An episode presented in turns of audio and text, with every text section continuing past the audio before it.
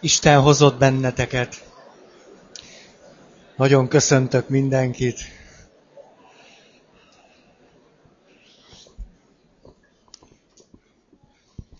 Igazán próbálok majd mindenfelé fordulni, senki se, de tényleg ez most egyre, egyre sajátosabb. Senki se érezze magát kirekesztve. Igen, igen, igen, igen erről a helyzetről mindig eszembe jut az, ami még a, az átkos diktatúra alatt történt, hogy mikor a papnevelő intézetben szeptemberben mindig kezdődött az év, akkor ez gyakran egy kisebb műsorral kezdődött, ilyen ünnepélyes ezzel, azzal, amire mindig meg kellett hívni Miklós Imre államtitkár urat és egyéb banda társait, akik az állam egyházügyi hivatalnak voltak funkcionáriusai, és mikor én a papnevelő intézetbe kerültem, még volt alkalmam nemes élményt megtapasztalni, és akkor ott történt az valóságosan, hogy megkérték az egyik papnövendéket, aki előtte sokat hegedült, hogy hát hegedüljön ezen az évkezdő valami csodán, és mikor megvolt a száma, akkor óriási tapsot kapott. De ilyen szűnni nem akaró vastaps fogadta őt a papnövendékek részéről, és neki gőzese volt, hogy ez miért történt. És később elmondták, hogy elsősorban ültek pártunk és államunk illusztris vezetői, és ő pedig, ki tudja miért, a zavarában úgy hangolta be a hegedűjét, hogy így hátrafordult, és így. És, a, és ez szinte a diktatúra elleni nyílt föllépésnek hatott azokban az években, ami természetesen a papnövendékek megértettek, fölfogtak, és társukat hősként dicsőítették. Én nem, nem szóval ilyet, ilyet nem, nem akarnék felétek, tehát semmi, semmi ilyesmi, majd igyekszem lapossá alakítani a fenekemet, hogy ne legyen provokatív rátok nézve. Na most, ugye ott jártunk, hogy a férfi eredetileg negatív anyakomplexusát igyekeztünk leírni. Most már többé-kevésbé szeretnék elszakadni saját magamtól, némi önazonosság válságba sodorva magamat, és akkor beszéljünk egy picit Helmutról, nézzük is, hogy mit mondtunk ő róla, hogyan néz ki többek között egy sajátosnak nevezhető ilyen életút.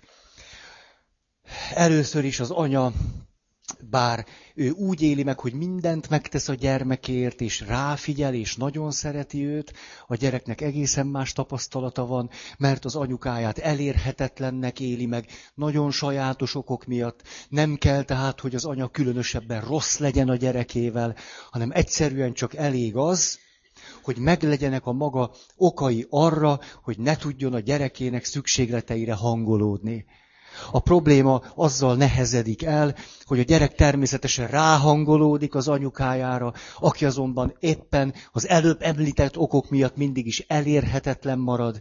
Ezért aztán a gyerek rátesz egy újabb lapáttal, még jobban eltávolodik saját magától, és igyekszik, ó, az nagyon jó inni inni jó.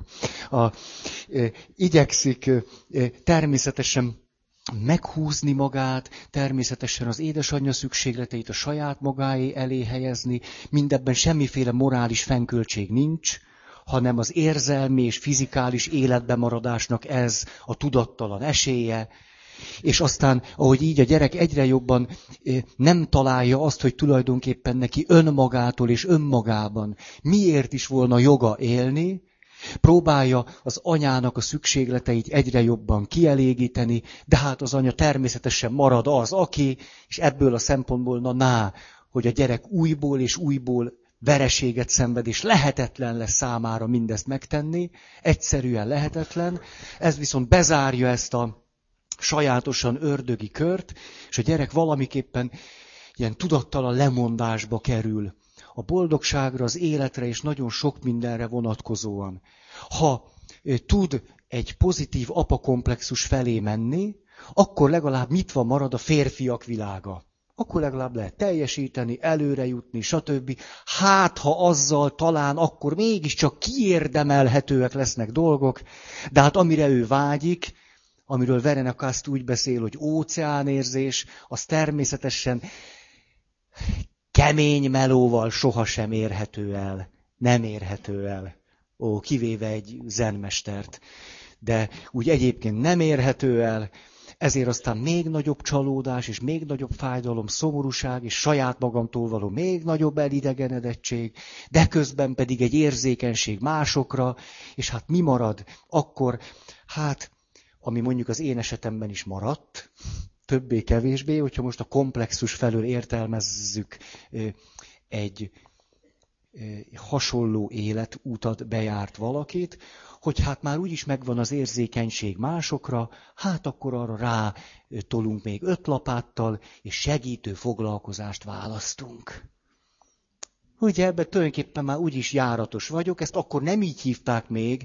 Tehát amikor három éves voltam, nem mondták, hogy Feri, kezdesz a segítő foglalkozás szakmai elmélyülése irányában nevelődni, ezt nem mondta senki, de azért ez történt. És itt jön az, hogy akkor nézzük csak, mi van a jelenben. Felnőttként az ilyen ember tud nagyon megbízható lenni, biztonságot ad, mondjuk így most nagyon egyszerű megközelítéssel szeret másokat, tud szolgálatára lenni másoknak, ezért aztán tulajdonképpen az ázsiója növekszik. Aha, itt kezdődnek a bajok. Ami Helmut barátunk is itt kezdett pórul járni. Az illető látszólag egy jó parti. Ugye? Mert le tud mondani magáról, képes magát háttérbe szorítani, egy ilyen szakadatlan, hasztalan igyekezete van édesanyja szeretetének az elnyeréséért, ez aztán megy tovább a többi kapcsolatban, ez azt jelenti, hogy, hogy, hogy, majd erről külön akarok pontokba szedve beszélni. Minden esetre itt van Helmut, aki természetesen elég hamar meg tud házasodni, hát mert egy ilyen rendes pasi. A nők Ah, ez egy rendes pasi, nem olyan önző, nem olyan disznó, nem olyan nem tudom milyen, ez olyan, gyermekeimnek jó apja lesz. Ugye, ami mindig fontos, ezt nézzétek meg. Fantasztikus. Hihetetlen. Hihetetlen. Tehát az élet élvezetének egy, egy újabb lépéséhez sikerült el, elérkezni. Egyéb iránt sokkal jobb pohárból. Hmm. Tudjátok miért? Mert ha üvegből iszod, valahogy túl sok a buborék. Ugye? Nem, ezt nem fejtettem még meg, hogy miért. Üvegből nem tudok nagyon sokat inni egyszerre. Pohárból viszont le lehet nyomni az egészet. Na szóval, itt vannak ezek az eredetileg negatív anyakomplexusos pasik, akik úgy elsőre kifejezetten jó partinak bizonyulnak. Emlékeztek, mindig nézzük, hogy ha ilyen a férfi és olyan a nő, a nő természetesen lépre megy. Nem, megbízható, rendes, nem késik, vagy keveset csak, és ha késik, bocsánatot kér, és tényleg bűntudata van, hát egy egész életútnak a bűntudata ott sejlik az ő picin bűntudata mögött. Tehát egy ilyen pasi kifejezetten jó, jónak tűnik. És hát főleg beteljesíteni látszik azokat a vágyakat, hogy, hogy hát, ha talán nem tudjuk, hogy elég férfias-e, lehet, hogy kicsit puha, lehet, hogy kicsit nem is tudom milyen, hát, hát kicsit olyan... De a gyermekeimnek jó apja lesz. Az biztos. Főleg, ha van neki pozitív apa komplexusa. Mert a komment előre, az az út járható volt, tehát egy fő nyereménynek tűnik érzékeny is, megbízható is, rendes is, jön a zsozsó is, ugye? Munkaerőpiacon képes, az egész nagyon-nagyon jónak tűnik. És a nő természetesen szerelmes lesz, és mi lesz a férfivel? Ó, hát a férfi is az lesz. Hát persze, hogy az lesz. Mert éppen a szerelem, mint hogyha azt az ígéretet hordozná, hogy az a soha be nem teljesedett kapcsolat az anyával, az most talán a szerelemben egy másik nővel megtörténhet. Talán most és most és most. És ha van egy érzékeny nő, és a szerelemben minden nő érzékeny, ezért aztán l'amour.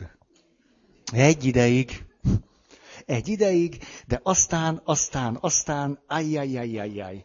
Azért a negatív, a negatív képzeteknek ott lesz az a rettenetes erős lenyomata, és egyszer csak a negatív képzetek mivé, mivé formálódnak, kristályosodnak a nővel való kapcsolatban. Ha, természetesen mindig azzá, a múlt felé csalódássá, a jövő felé elvárássá. Ezt így tudom, mostanában bele szerettem ebbe a mondatba. Tudja, kinek mi jut? Én egy mondatba leszek szerelmes. És a, a mondat így szól, hogy hát tulajdonképpen a múlt csalódásainak és a jövő felé való elvárásainak a ködén keresztül próbál tapogatózva valami életörömhöz jutni. Hasztalan. Bárhogy, bárhogy adventhez közeledve egy kis lilás mondatot is elrejtsünk itt. Szóval azt akarom csak mondani, hogy természetesen az a rengeteg igény, az elvárások, a vágyak, a hiányok, a betöltetlen szükségletek, és főleg az a fajta nagyon sajátos bizonytalanság, bizalmatlanság, ami ott van a nővel való kapcsolatban, már a férfinek nagyon sajátos nézőpontja miatt, az kezdi fölőrölni a kapcsolatot. Mm-hmm. Mert természetesen a nő ha egyszerűen csak nő, és, és nem rohan bele az anya szerepbe, hogy megadjon mindent, amit az a kicsi fiú nem kapott meg, mert természetesen az elején belemegy. Á, még nagyobb lesz a baj. Ugye, mert a szerelemtől indítva a nő belemegy. Majd én szeretlek.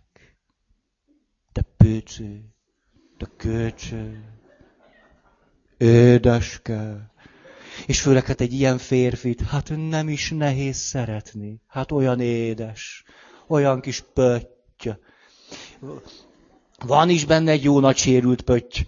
Ugye, az ilyen kisfiúban valójában nem pötty van, hanem egy karika.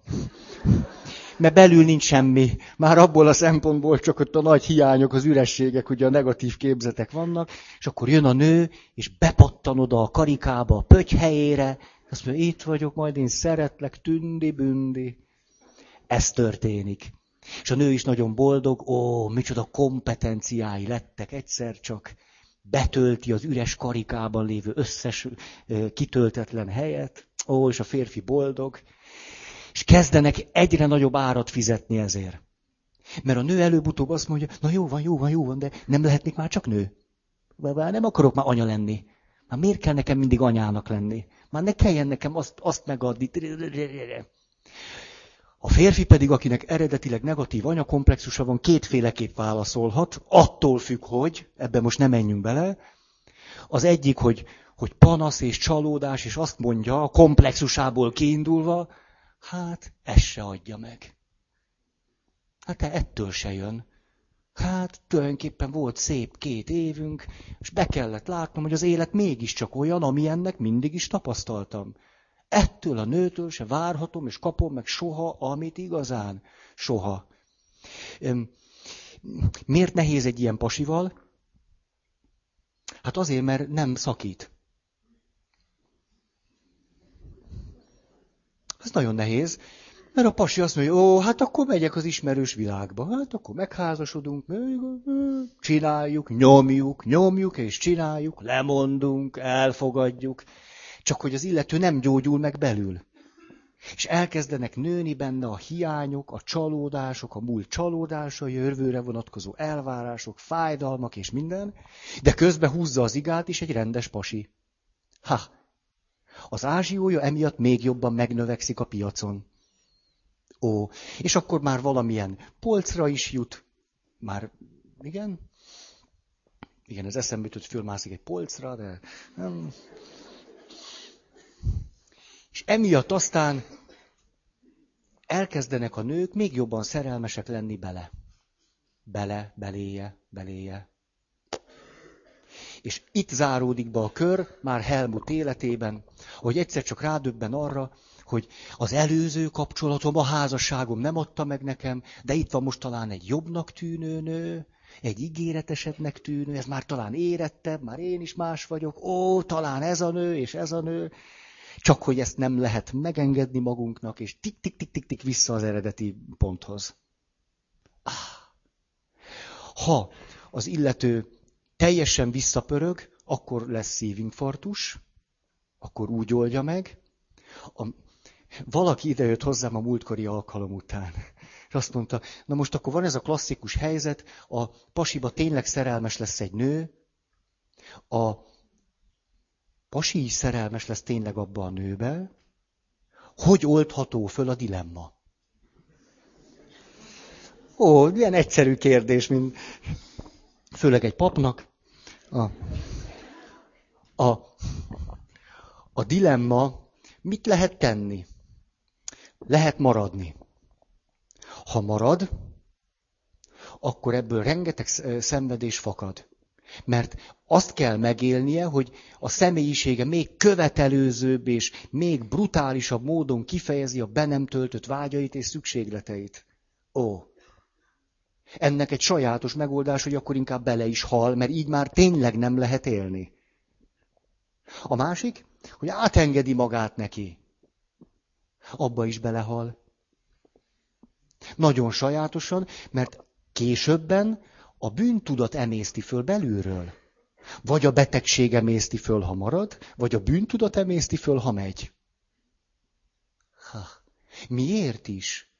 Hiszen hát az egész életének ez a dinamikája, tönkre teszem az anyámat. Nem tudom eléggé szeretni az anyámat, azt a nőt, aki pedig olyan fontos, akitől megkaphatna. Nem szeretem őt eléggé, nem vagyok elég jó, nincs is jogom az életre. Belemegy egy úgy nevezett törvénytelen kapcsolatba, és az egész dinamika itt egy másik ponton lobban be ú, mit csináltam a feleségemmel, hogy lehettem ilyen, hiszen van neki egy csomó neurotikus bűntudata már egyébként is, abból, hogy az anyját sosem sikerült boldoggá tenni. És most itt van, és most nem csak az anyámmal tettem meg, hanem ezzel a nővel is, már a feleségemmel is, és akkor jön a bűntudatnak egy ilyen újabb, nagyon is kiszámítható, de mégis váratlan pillanata, te jó ég, ezt a harmadik nőt is tönkreteszem. Hát és Hát tönkretesz, te jó ég. Ha most elmentem volna hozzá, és tényleg, ha, ha egy boldog házasság lenne ez a második, akkor talán nem. Tehát hogy tudna boldog házasság lenni, mikor tele vagyok bűntudattal? Ezt... Rájöttem, itt is kaphat szívinfarktust. Úgyhogy ennek a helyzetnek olyan értelemben, hát valódi gyógyító, egészséges föloldása, ha pusztán csak azt nézzük, hogy marad vagy megy, szerintem nincsen. Nincsen. Nincs neki, nincs neki, mert ugyanis a belső dinamikát hordozza, szüntelenül és változatlanul. Azt pedig ő továbbra is belülről föl fogja valamilyen módon emészteni. Nincs, így nincsen megoldása. Tehát ezért, ha elválok, akkor jobb lesz, de hogy lesz jobb, csak két év múlva lesz rosszabb. Ha maradok, rögtön rosszabb lesz de hosszú távon se lesz jobb. Kedves vagyok ma, ugye? Tehát ilyen... De, de hát így, ezért, ó, nehogy a kezedre lépjek, majd szólj, ha ráléptem. A, a, de emberi hangon, mert tudod, nagyon érzékeny vagyok. Tehát a, ha rosszul is csinálok valamit, nem szeretem, ha mondják. Szóval, tényleg, hogy mondjam, az életnek, vagy nem tudom minek sajátos, nagyon sajátos kacskaringóira van szükség, hogy ez a, ez a férfi tényleg jól legyen. És akkor még a nőről nem is beszéltünk. Ugye? Hát én nem is fogok. Hát... Az ő baja, nem? Elég nekem a sajátom. De... De ténylegesen, hát nyilvánvaló, hogy a nő is újabb és újabb csalódásokba megy bele. Hát világos, világos, világos. Nem érti, hogy az ő szerelmüstok miért nem tud beteljesedni, mert nem tud, és nem tud, és nem tud. Ah, az élet nagyon szép. Na, nézzük akkor azt, amiről azt mondtam, hogy csak akkor gyertek, ha bírjátok. Ezt most főleg keresztény vagy kultúrkeresztény hát hallgatóságnak mondom. Ténylegesen, mert most nézzük akkor meg, hogy egy, most beszéljünk a kultúrkereszténységről. A kultúrkereszténység tükörében hogy is néz ki egy eredetileg negatív anyakomplexusú csávó? Hogy fest ő. Látszólag hallatlan, magasztos erényeket birtokol. Szeretném ezeket sorra venni, de nézzük meg, hogy mi van a hátterében. Először is egy ilyen férfi, ha megtalálnám a lapot, Haha, megvan. Szinte született monogám.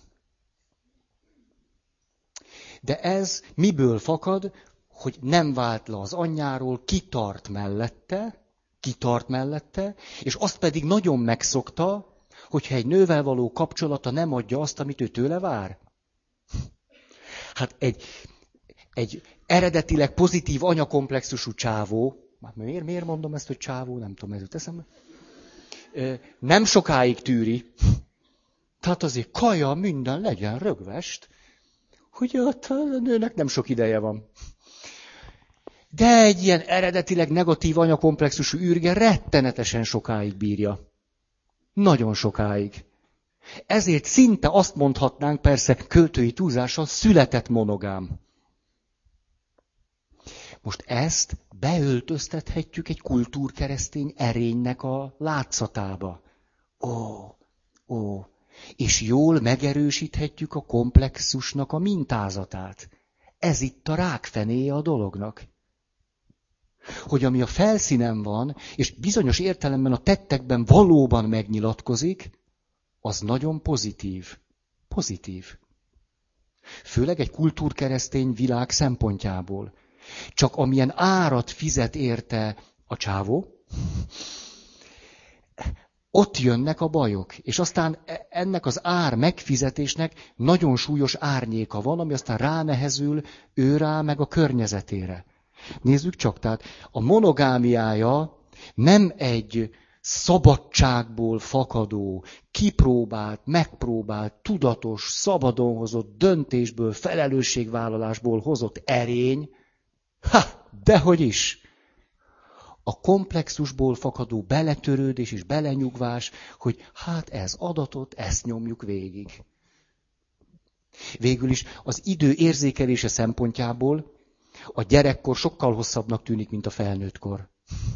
Ebből a szempontból a nehezén már túl van. Ezt a maradék 40-50 évet simán le lehet nyomni.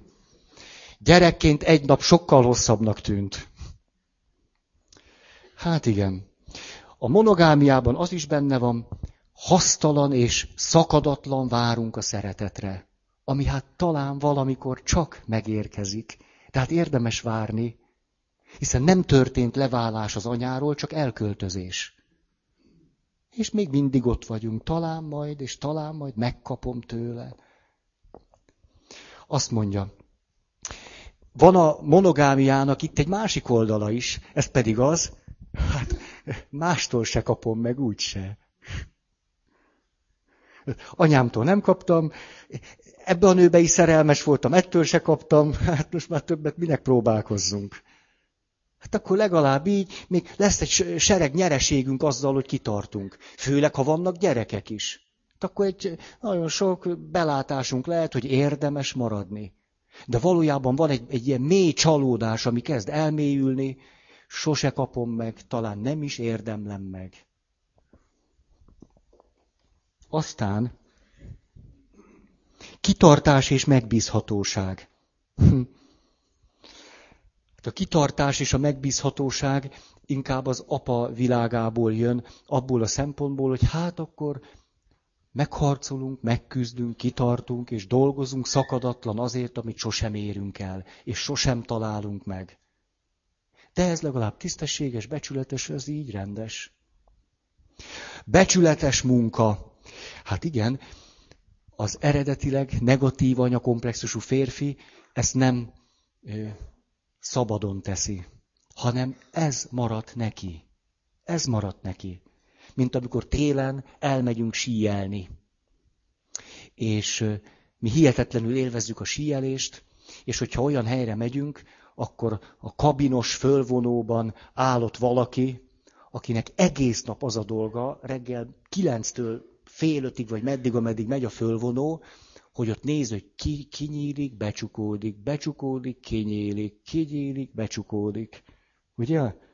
És miközben mi élvezzük az életet, ő, ez, ő dolgozik. Ugye erre szokták mondani, hogy neki ez maradt. Ez, ez jutott neki. Egy eredetileg negatív anyakomplexusú férfinek, hát ma marad a munkavilága. Főleg, ha még sikerei is vannak.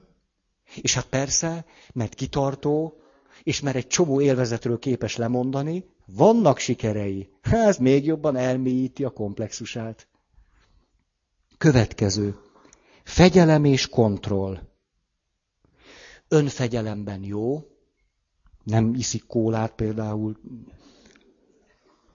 Hmm. Önfegyelem, kontroll, ez is a gyere. Rátapostam.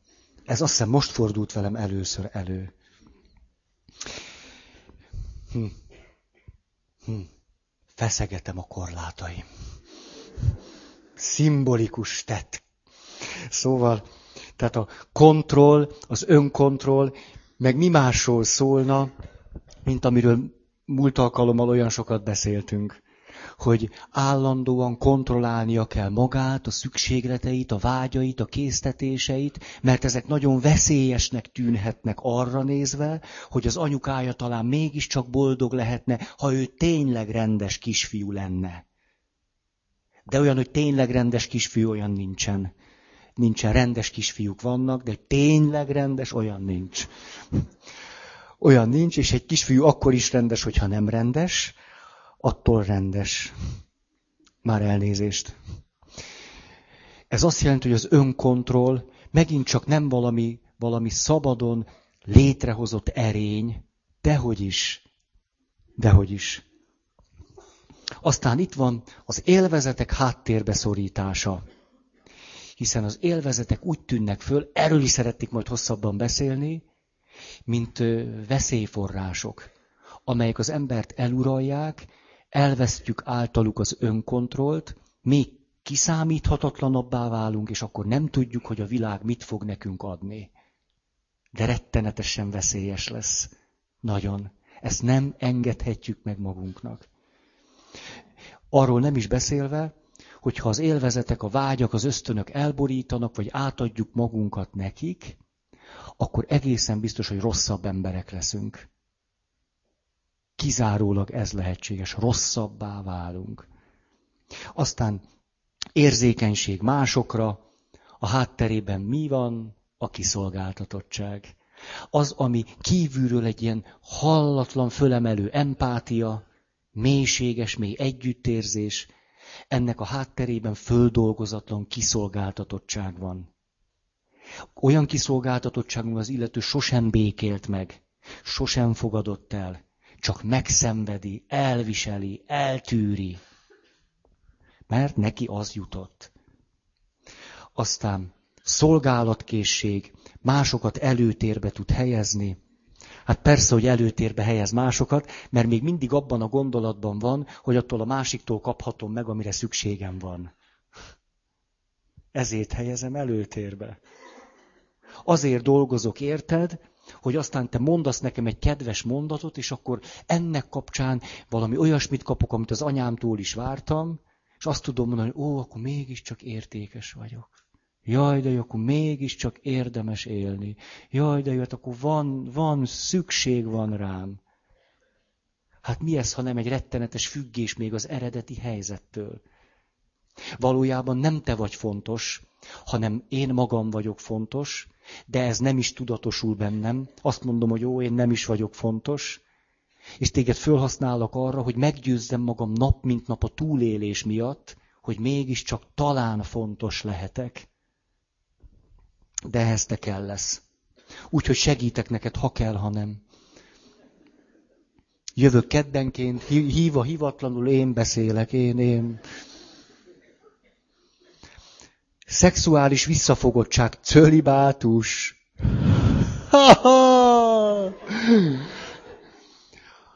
A cölibátusra való komplexusos alkalmasságról lehetne beszélni. Ó, ezt hogyan szokták misztifikálni? Ugye a papnevelő intézetben ennek az a neve, az Isten különleges adománya. Ugye? Ami alkal... Látom. Egy némelyek nagyon furcsán néztek rám most. A... Most kioldódott a cipőfűzőm, ne is haragudjatok, de én ezt megkötöm, jó? Mert nem, nem érzem jól magam, a ki van oldva, mert hogy itt messze itt rohangászok, még elesek esetleg.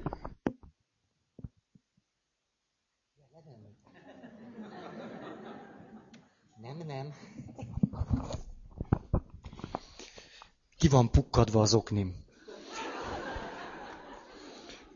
Szóval, ja, hogy hol is tartok, ajjaj, hát, ha itt tartok, úgy látom, ez a cölibátus és szexuális visszafogottság.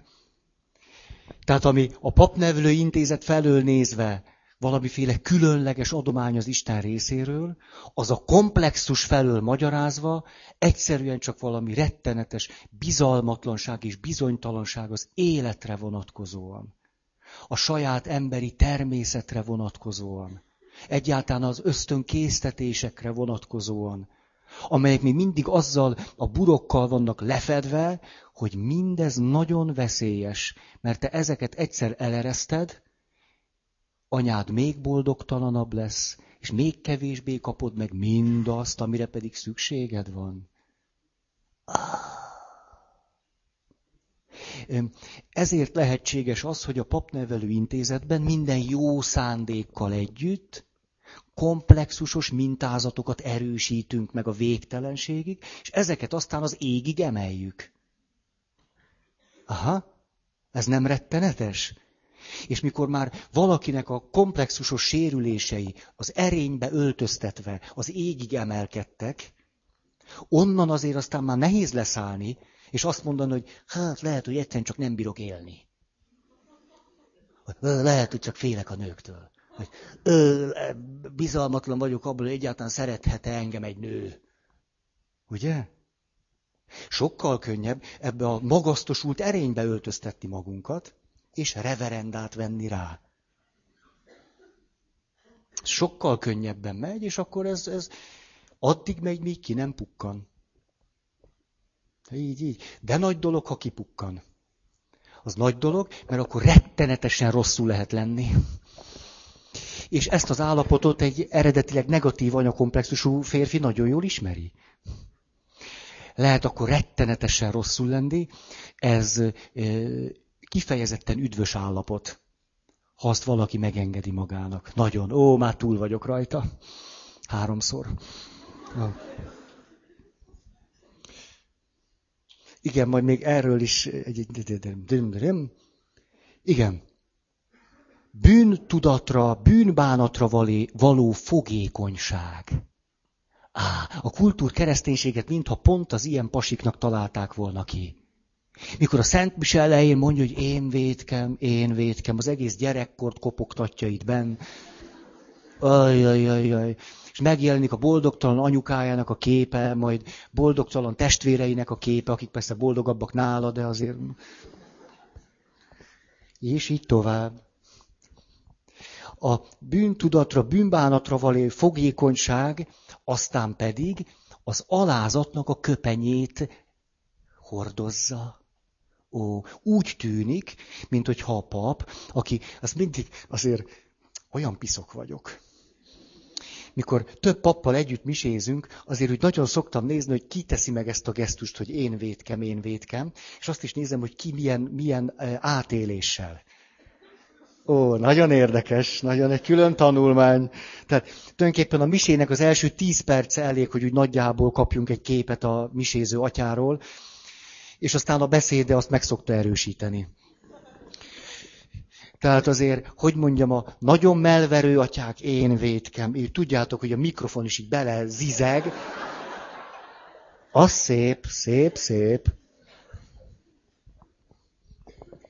Na, aztán agresszió gátlásoltsága, gátá, gátoltsága, gá, gá, gá, gá, gá. Ugye az agressziót is illik nagyon csúnyán megbélyegezni.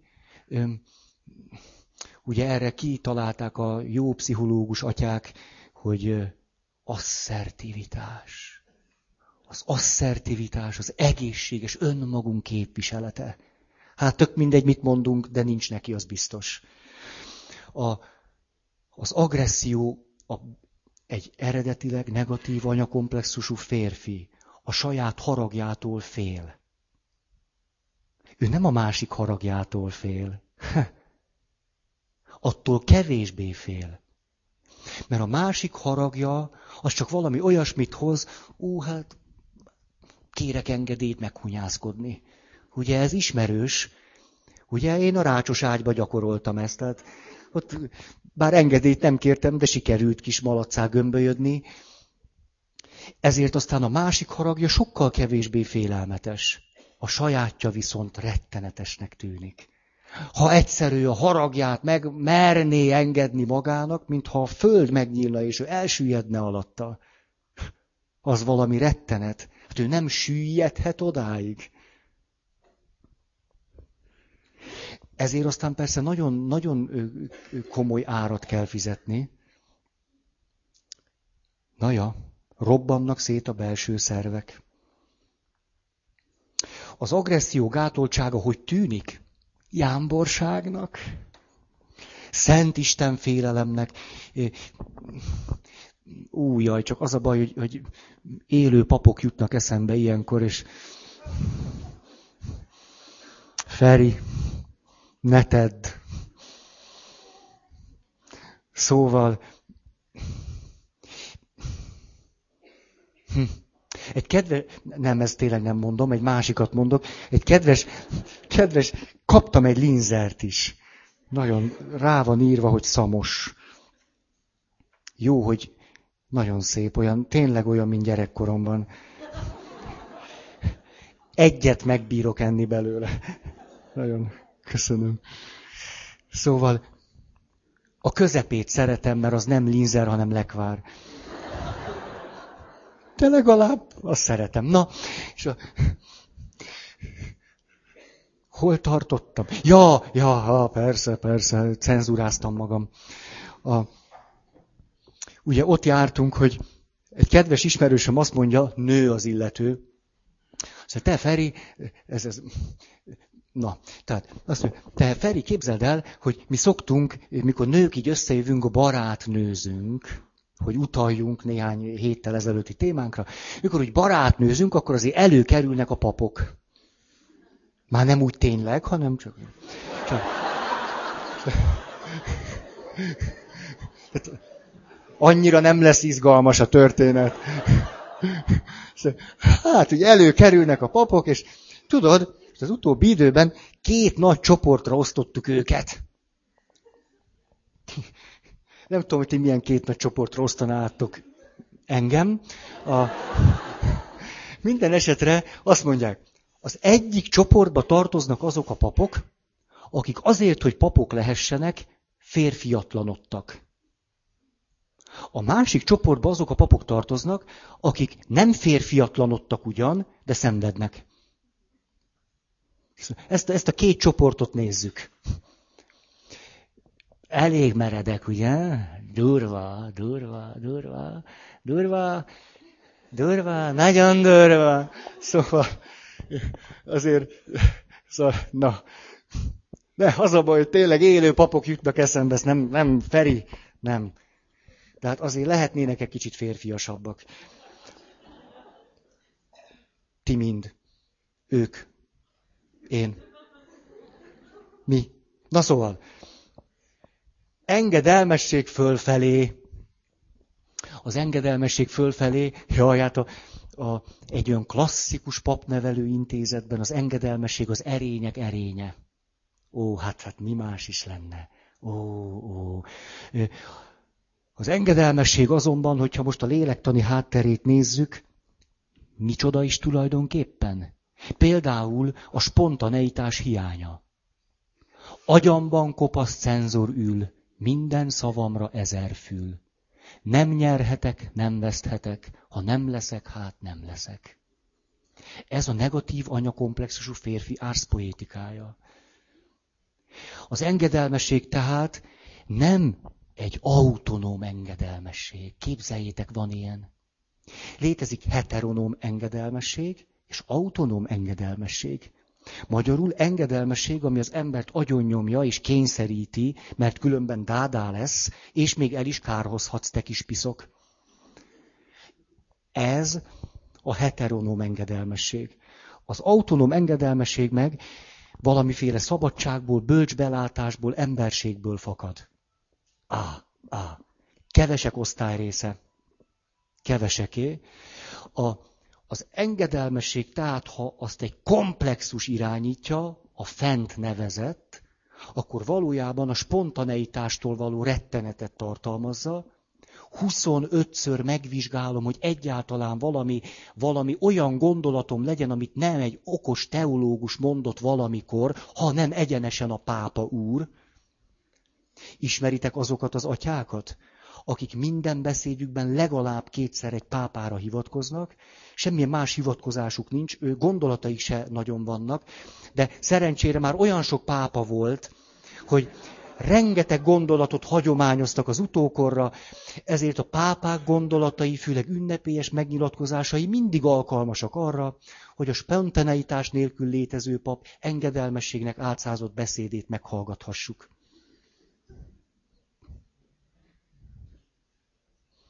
A legkomolyabban mikor egy-egy pap valami eredeti gondolathoz jut, amiről nem tud rögtön asszociálni egy enciklikára, vagy valamilyen pápai megnyilatkozásra, kifejezetten megszokott rémülni. Ezt a rémületet egyébként csak az arcán lehet látni, mert azt a csúnya, kontrollálatlan mondatot sosem ejti ki a száján. Ugye ilyet nem, ez elképzelhetetlen, hogy ez megtörténjék. Ezt tudjátok mi? a, az Isten félelemnek az eretnekségtől való félelem szerű megnyilvánulása. Valójában egy Istentől való rettenet, ó, ó, Istenre is ugyanaz a gondolat megy, hogy valójában talán sosem szeretett, és lehet, hogy nem is fog szeretni, és lehet, hogy nem is vagyok szerethető, marad a félelem tőle. És hogyha még most én eretneknek tűnő gondolatokat mondok, akkor aztán vége mindennek úgy lecsapnak, ah, mint nyáron a legyet. Bal csinál a szunyogot. Körülbelül akkor ez fog velem történni. A, igen, nekem a, a, de döbbenetes. Na, szóval ugye most már évek óta papok, apácák, szerzetesek, stb. nek a képzésében veszek részt és újból és újból beleborzadok abba, amit rajtuk keresztül meglátok magamból. Azt, hogy mikor eljutnak egy eredeti mondathoz, azt, azt hogyan szégyellik. Mikor egyszer egy önismereti csoportban, emlékszem, ezt is említettem már nektek, azt mondja az egyik pap, a, a, a záró körben, hogy, hogy valami nagy élmény megérintette őt, azt mondja, hogy Hát azt gondolom, hogy hát az én önbizalmam Isten. És hogy ki merészelte mondani ezt a mondatot, amit egyetlen pápánál se olvasott, meg is borzadt tőle. És rögtön helyesbitette, kis zavarral azt mondta, ó, az én bizalmam Isten. Menjél már vissza, húsz éve nem volt egyetlen ilyen mondatot se. Azonnal mond ki még egyszer. Hát aztán majd meglátjuk, hogy leszakad-e a mennyezet. Gyerekeket kérdeztem. Most volt pöttyös mise. Hát vasárnap volt, mindig van. Jöttek, és ugye voltak ezek a talentumos, talentumos, hogy ötöt kap, ötöt szerez, kettőt kap, kettőt szerez, egyet kap, egyet se szerez, csak megtartja az egyet, ugye.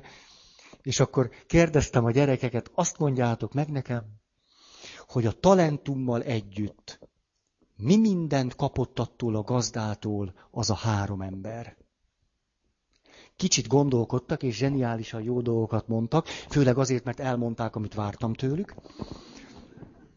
Ugye rögtön az első kimondta azt, ami nekem a legfontosabb volt, hogy amikor attól a példabeszédbeli szereplő gazditól kapta az öt talentumot az a pofa, akkor vele együtt bizalmat is kapott. Nem csak a talentumot, bizalmat is. És aztán innen beindult egy lavina, és akkor mondták, ó, akkor a, akkor a, a talentummal együtt nem csak bizalmat kapott, hanem feladatot. Nem csak feladatot, felelősséget, nem csak felelősséget, szabadságot, nem csak szabadságot, kedvet hozzá, olyan zseniálisakat mondtak, és ott ült egy kis fiúpötty, és akkor az azt mondja, hát akkor a talentummal együtt kapott hozzá önbizalmat is. Mert ha ő öt talentumból még ötöt csinált, az biztos, hogy önbizalommal együtt lehetett csak.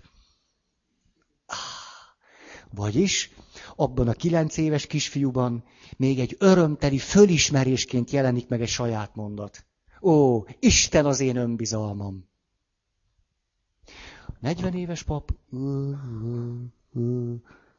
nem emlékszem, hogy a 150 Zsoltár valamelyikében is valami hasonló utalásszerű mondat lenne, és hát ha 150 Zsoltárból se jön ki egyből se, akkor azért legyünk óvatosak. Úgyhogy Isten a mi önbizalmunk. Ha-ha.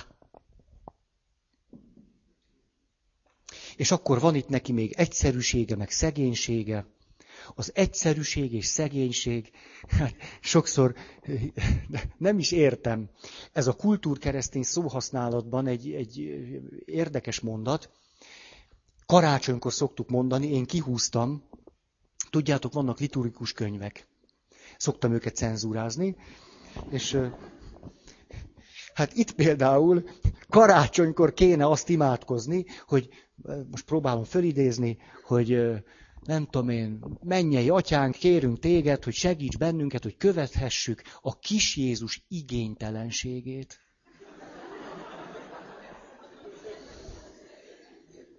Ollé!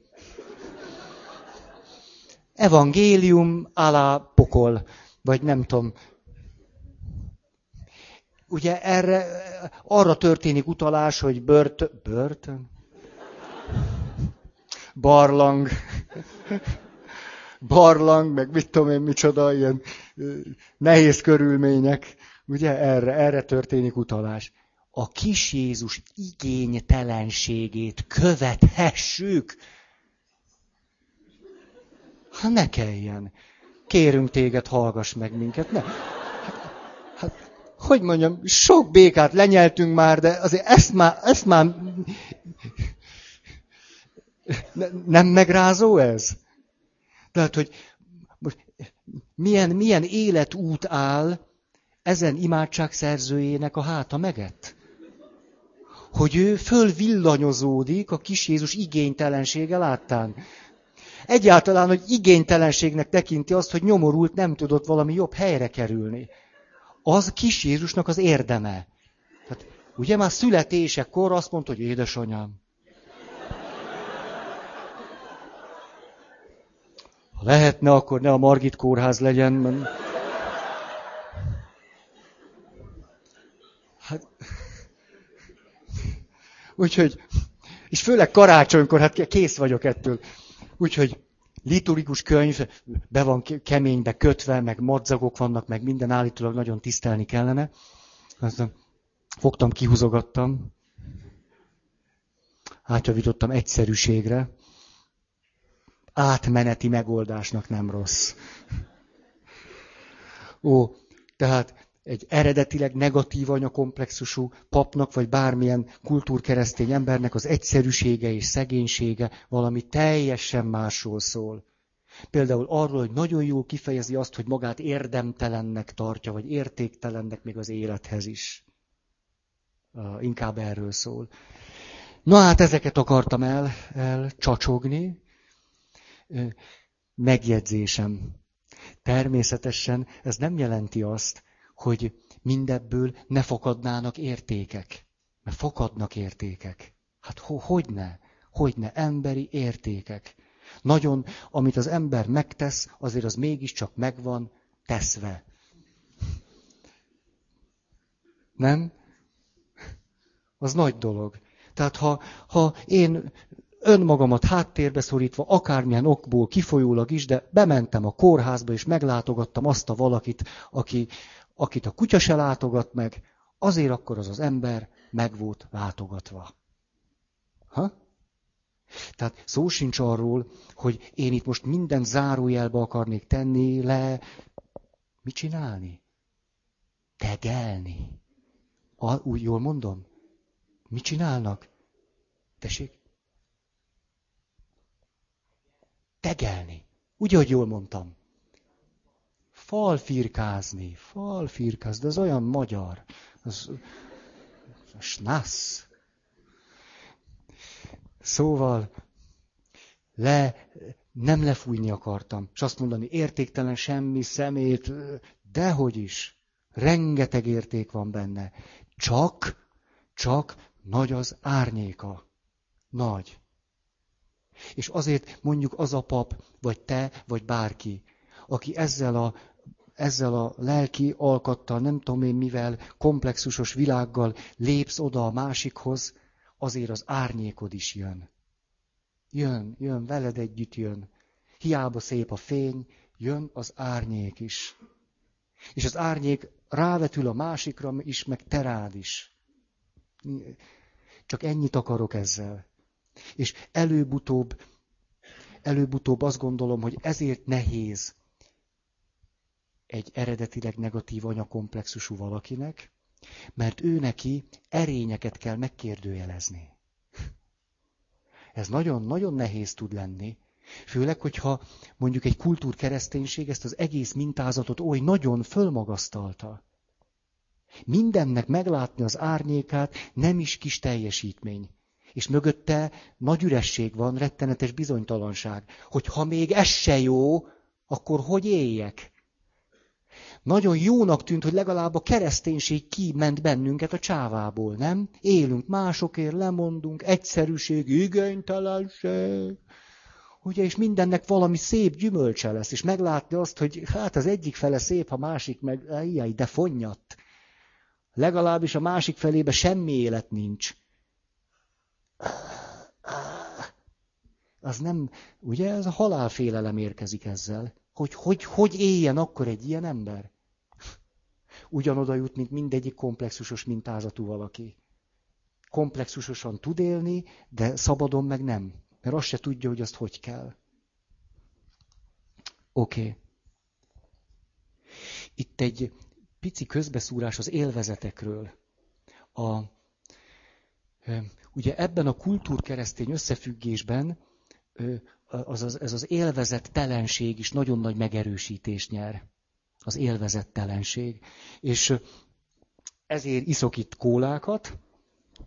Nagyon finom. Gyógyulási szándékkal. Finom, iszom. Ha kap eszi, ha kap eszi. Szóval egy nagyon faramuci világban vagyunk. Látszólag hallatlan, meg van erősítve bennünk az, hogy, hogy élvezni az életet, élvezni, és a, és a carpe meg nem tudom mi, ez mind meg van nagyon erősítve. Valójában úgy tűnik föl, hogy a ma embere egyáltalán nem tudja élvezni az életet. Élvezetekről élvezetekre igyekszik élni, de ez nem egyenlő azzal, hogy élvezi az életet. Attól, hogy valakinek az életében sok élvezet van, még nem biztos, hogy élvezi az életet. Sőt, minél inkább kiszolgáltatunk valakit annak, hogy a spiritualitás szedje ki a világából, és utána élvezetről élvezetre éljen, az illető annál kevésbé tudja az életet élvezni.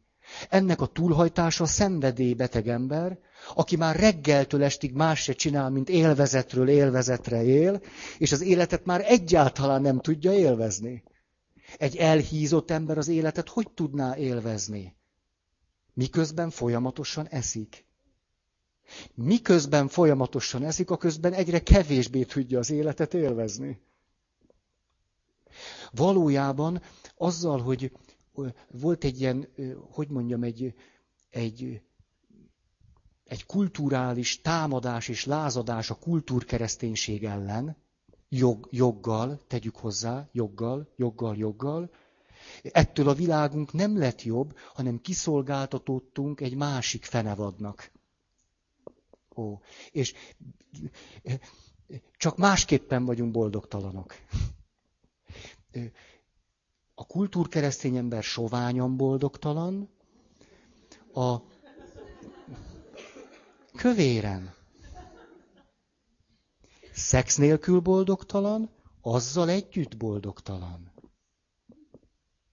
Férfi nélkül, nő nélkül boldogtalan, sok-sok férfi, sok-sok férfivel együtt boldogtalan. Ez ennyi történt, ennyi változott. Ó, úgyhogy én ennek biztos, hogy nem dőlök be, nekem persze könnyű. Mert én eleve egy távolságtartásban vagyok az élvezetekkel, könnyebb rálátni. Ezért nem véletlen, hogy a szenvedélybeteg ember, aki látszólag mindenét rátette az élet folyamatos, jelen pillanatbeli élvezetére, a legmesszebb került attól, hogy valóban élvezze az életet. Mert ahhoz, hogy valaki élvezze az életet, tulajdonképpen szinte semmire sincs szükség. Ó, meg kell születni, meg kellenek emberi kapcsolatok. És az élet minden pillanatában élvezhető. Akkor is élvezhető, ha nincsen kóla. Akkor is élvezhető, ha linzert kell lenni.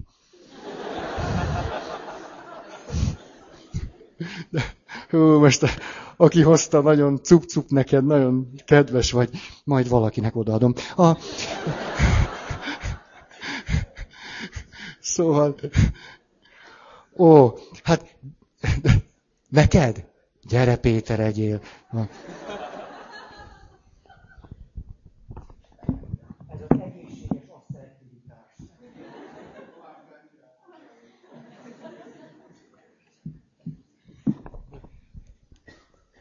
Ne haragudj, Péter, nincsen ö, szalvétám.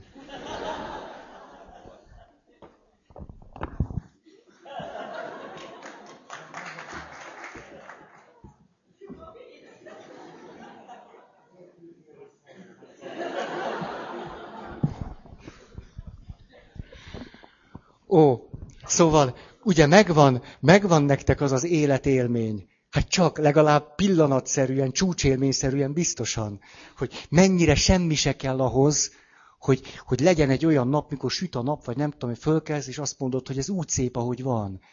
Tehát nem kell rögtön a reggelire gondolni, a reggeli szexre gondolni, a, nem tudom, se, semmire nem kell gondolni, az ember csak úgy...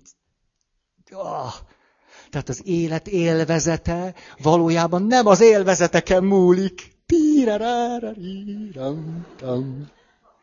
Idáig jutottunk, Miki. Ez nagy dolog.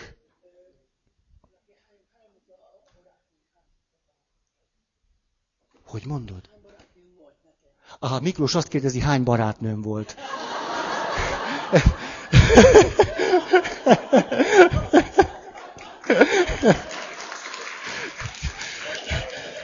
Hát, akkor egy kicsit mégiscsak azon múlik, ugye, Miki? Hát jó van. Látjátok, kerüljük a szélsőséges kijelentéseket. Egy-kettő. Ezt többféleképpen is lehet érteni. De értsük csak egyféleképpen.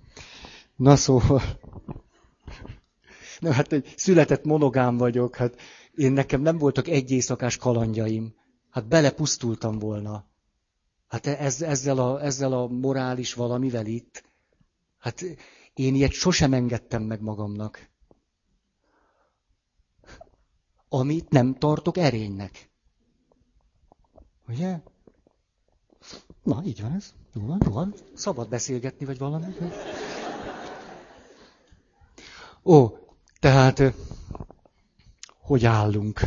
Hát én igen, de ti nem.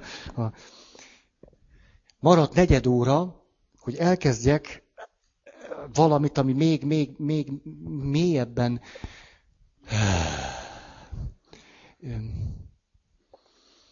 most nézzük akkor meg, hogy hogyan tud egy eredetileg negatív anyakomplexusú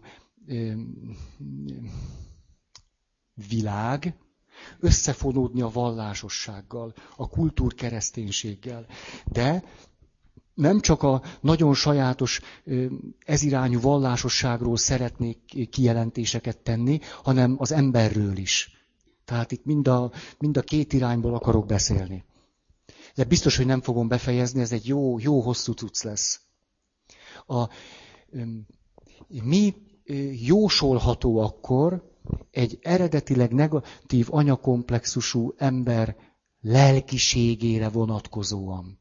Az, hogy nagyon hajlamos lesz, ugye erről ejtettünk szót a bűntudatra, a bűnösségnek a, a, az érzetére, az elégtelenségnek, az érdemtelenségnek, a, az, a szerethetetlenségnek az élményére.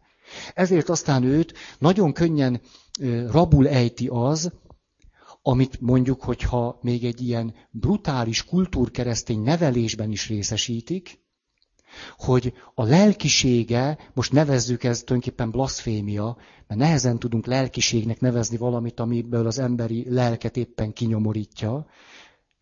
Jó étvágyat. hogy, de mégiscsak nagyon könnyen válik akkor a bűntudat, a bűnösség, a bűnöknek az állandó lesése, figyelése, az úgynevezett lelkiségnek a középpontjával. Egy ilyen ember képes szinte reggeltől estig, ameddig csak, ameddig csak fönn van, és tudatánál van, állandóan mindig egy ilyen sajátos morális megközelítésből, hogy mondjam, ilyen nagyon fekete tekintettel nézni azt, hogy nem, nem valami bűn felé hajlok-e már megint. Na, szakadatlan küzdelem a bűn ellen. Tehát itt, itt örömnek nem nagyon van helye, küzdelem a bűnök ellen. Hát annyira szíven tud ütni, mert azért már gyógyulófélben vagyok, mikor jön valaki, és azt mondja, hogy hogyha szörnyű, szörnyű dolog történt. Álmomban, álmomban volt egy nő, és a nő ment el, és én utána fordultam. De atya, álom volt. Most ez halálos bűn, mert tulajdonképpen ez, ez egy cselekedet. Igaz, hogy álmodtam, de hát én csináltam. Én, én ott voltam, és, és utána néztem. A fenekét stíröltem. Ez, hát ha valaki még az álmai van, mikor fölébred, utána is úgy van, hogy te jó ég. Mit csináltam? És ugyanaz a rettenet jön, mintha valóban megtette volna. Ismerős ez nektek? Ha persze. Hát a, mikor pszichoanalízisre jártam, ültem, akkor nekem hosszú hónapokba tellett az, míg egyáltalán erotikus álmokat mertem vinni. Hát világos, hát az, álma, az álmaimat is cenzúráztam. Már olyan értelemben, hogy azokat vittem, amiket én szalonképesnek tartottam. Ugye, ahol, ahol nagyon sírtam, mikor fölébredtem, vagy nagyon fájt, vagy szomorú voltam, azt is, az, az, az megy, ugye? De ahol?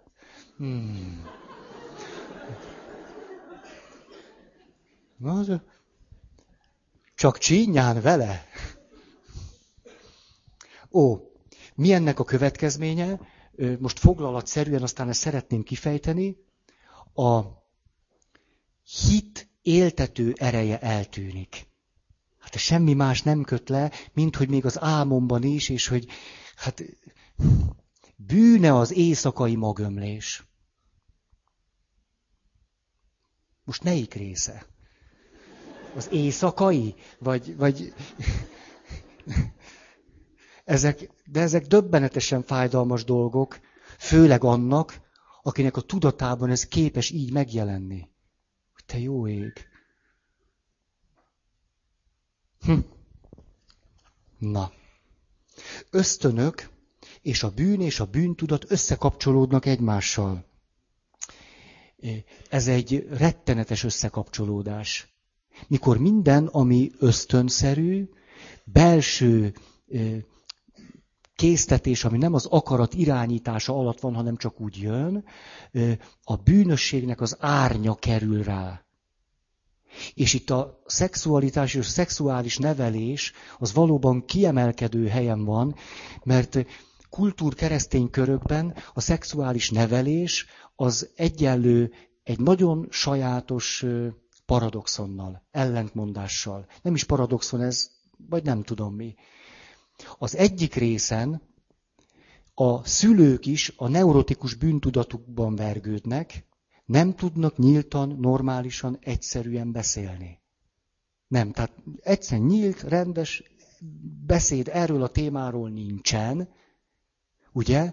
Mert hát még attól is bűntudata van, hogy álmában utána fordul egy nőnek, akkor hogyan tudna nyíltan, egyszerűen, rendesen, normálisan beszélni a gyerekével? Hát hogyan magával se beszél? Ugye? Hát akkor a gyerekével hogy tudna? Ennek mi lesz a következménye? Hogy a gyerek természetes kíváncsiságára semmiféle természetes, normális válasz nincs, ezért aztán a szexualitás úgy, ahogy van, valahogy a természetellenes, nem normális, elrejteni való világba kerül. Utána azonban nagyon sajátos úton, módon a téma mégiscsak előkerül. Milyen formában? Tudjátok jól, kizárólag erkölcsi megközelítésből. Mit szabad? Egy pontban, mit nem szabad? 128 pontban, lábjegyzetekkel. Tehát megjelenik a téma, de sosem önmagában. Sosem úgy, hogy ez van. Így soha. Hanem mindig úgy, mire kell figyelni.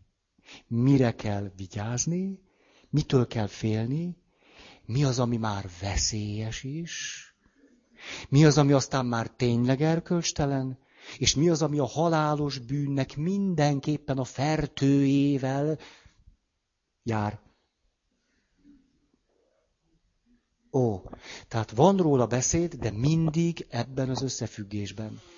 Hát, szóval nehéz is ám, kilenc éves gyerekek első áldozók lesznek. És ott van benne az a parancs, hogy ne barázdálkodj.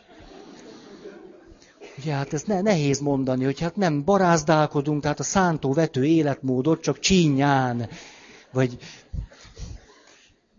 ugye e, szokták még úgy érteni, hogy ne garázdálkodj. Ez a paráználkodj, ez, ez, tehát még a párnához hasonlít leginkább, tehát párna csatát vívni a tesókkal tilos.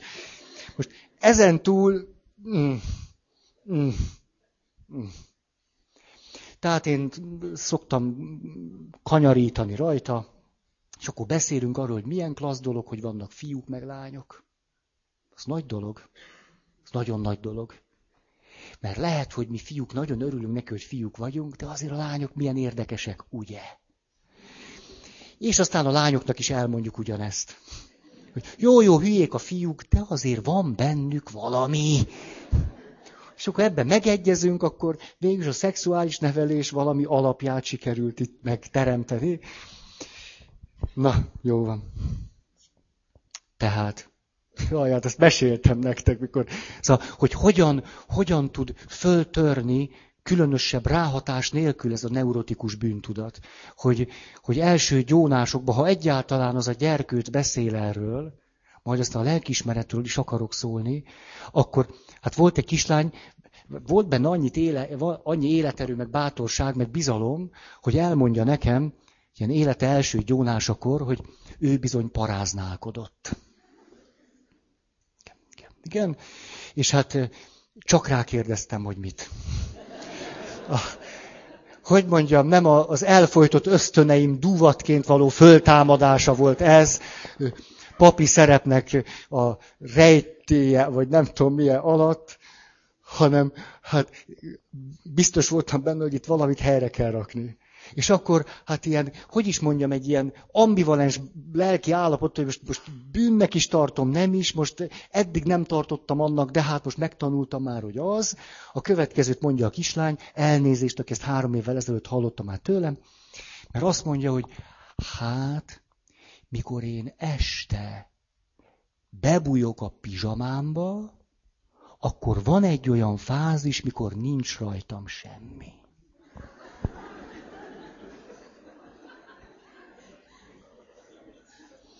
És hogy akárhogy is töprengte most így az első áldozásra készülve, egyszerűen ezt a fázist nem bírom kihagyni. Tehát mindig akárhogy ügyeskedek, de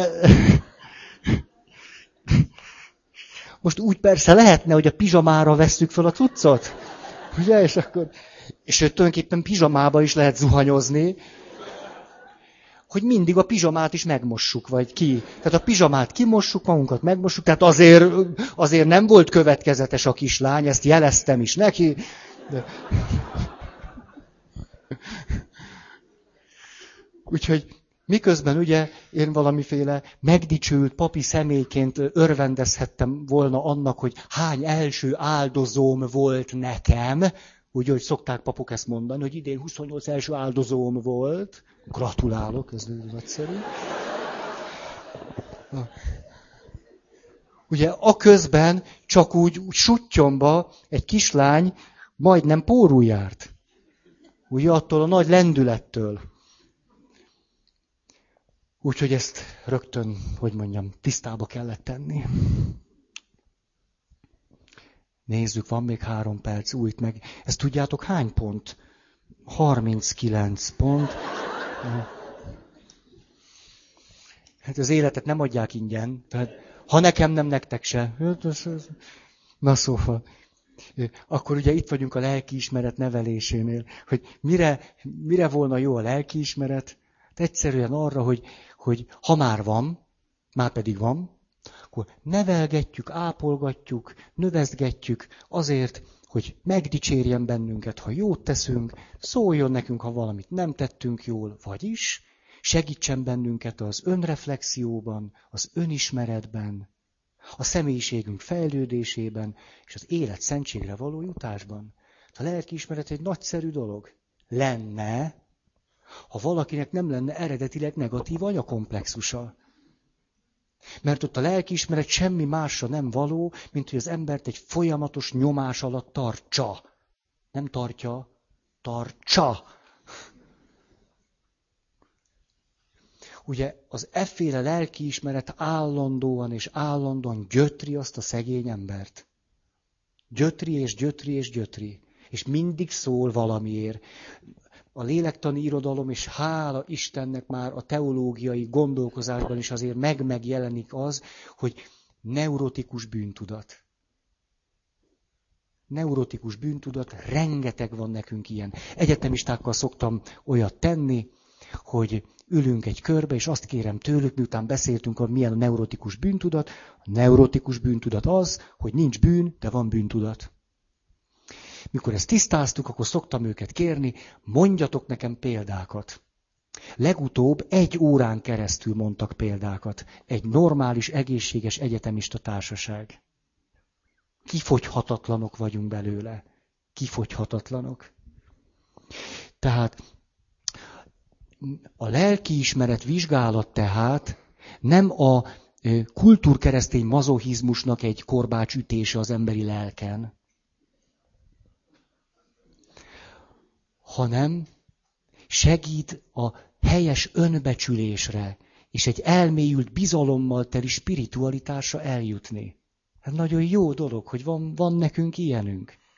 De itt nem ez történik, hanem valójában egy ilyen aprólékos önmegfigyelésé válik. Egy folyamatos öncenzúrává, önmegfigyelés, öndetektívvezés állandóan annak a koslatása, szaglása, hogy történik-e itt valami. Amit aztán úgy lehet, hogy fúj és undorító, guztustalan és szégyenletes, piszkos és fölháborító. Ó.